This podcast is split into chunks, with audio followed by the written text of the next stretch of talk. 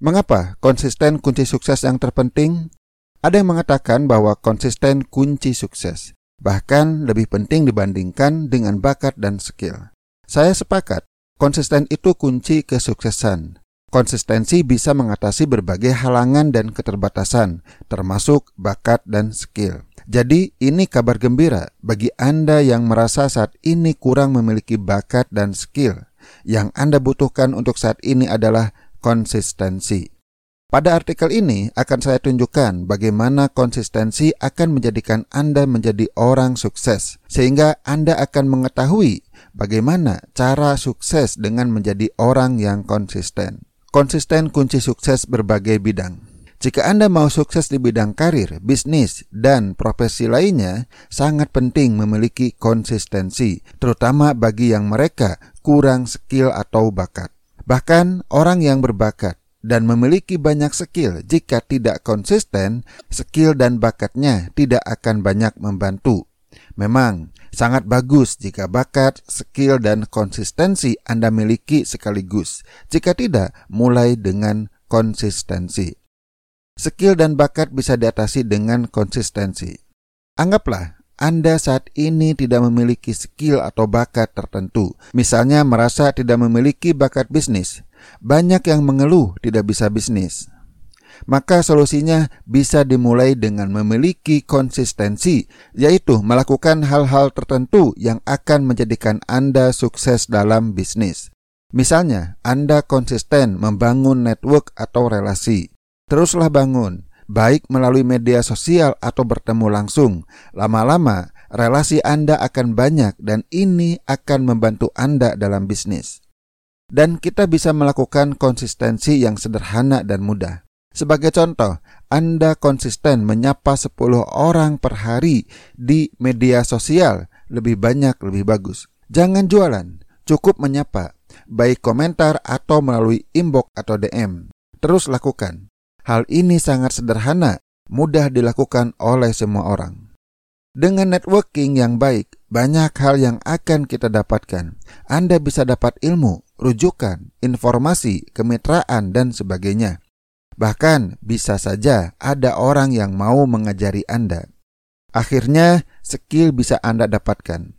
Jika tidak, mungkin ada orang lain yang memiliki skill yang bisa Anda ajak kerjasama. Jadi, skill bukan masalah lagi. Jika merasa segala belum bisa, maka Anda perlu konsistensi lain, yaitu konsisten belajar. Belajar bisa mengatasi masalah bakat atau skill. Jika Anda belum bisa, akan menjadi bisa. Jika sudah bisa, menjadi makin bisa dan mahir. Anda bisa konsisten menonton tutorial di YouTube Fokus pada skill tertentu, misalnya Anda sedang belajar blogging, maka fokus menonton video yang berkaitan blogging. Inilah yang disebut konsisten belajar. Jangan tidak fokus, ngacak atau kutu loncat. Sekarang belajar B, kemudian besok belajar C, besoknya belajar D, dan seterusnya. Ini bukan konsisten meskipun setiap hari belajar. Kekurangan lain pun bisa diatasi dengan konsisten. Jika Anda punya kekurangan, maka bertanyalah pada diri sendiri, apa yang perlu saya lakukan secara konsisten agar saya bisa mengatasi kekurangan ini?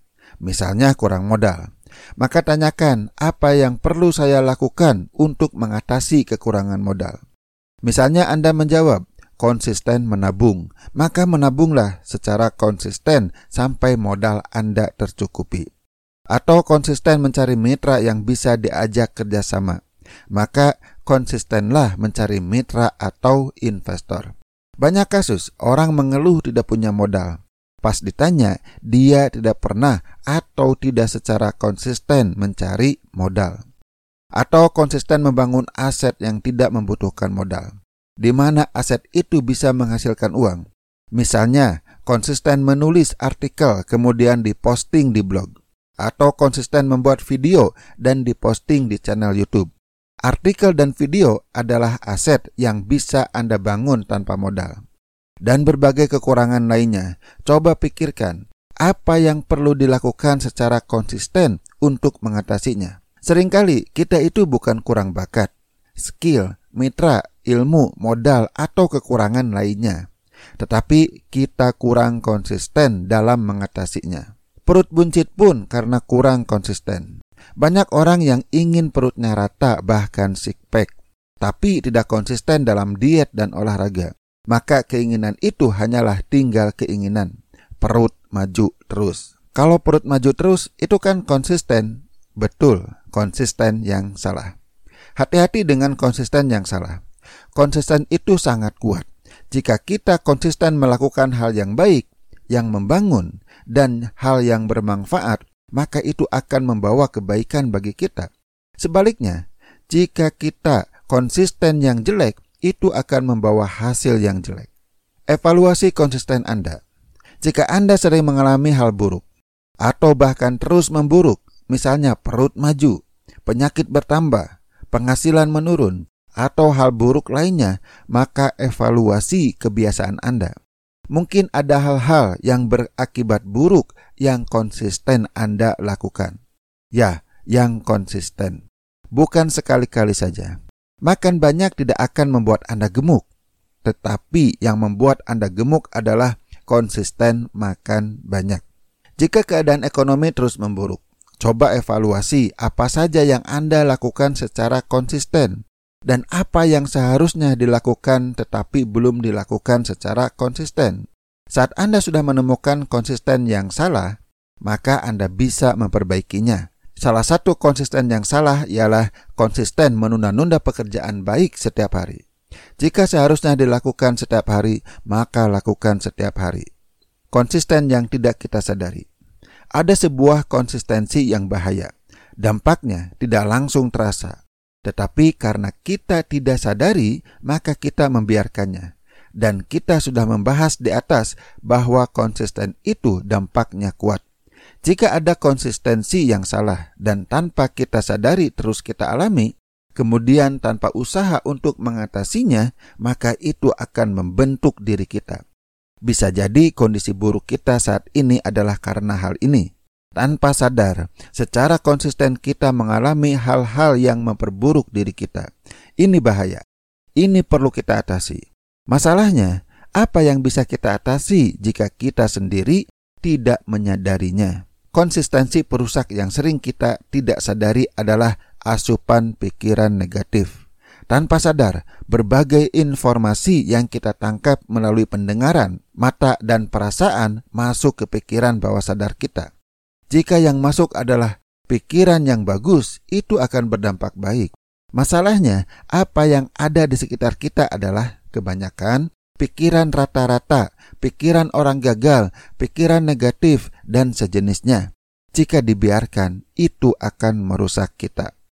Cara mengatasinya adalah kita harus mengalahkan pikiran negatif yang masuk dengan pikiran positif. Jika kita selama ini tanpa sadar konsisten menerima pikiran negatif, maka solusinya kita harus secara sadar konsisten mendapat asupan pikiran positif. Salah satu caranya ialah dengan membaca buku atau e-book yang berisi pikiran-pikiran positif. Atau bisa juga berupa audio atau video, plus pemrograman pikiran positif. Anda bisa mendapatkan program pembentuk pikiran positif melalui e-book saya plus audio Beautiful Mind Power. Penjelasan selengkapnya bisa dibaca di link di bawah video ini. Oke, sampai di sini dulu. Mudah-mudahan video ini bermanfaat bagi Anda.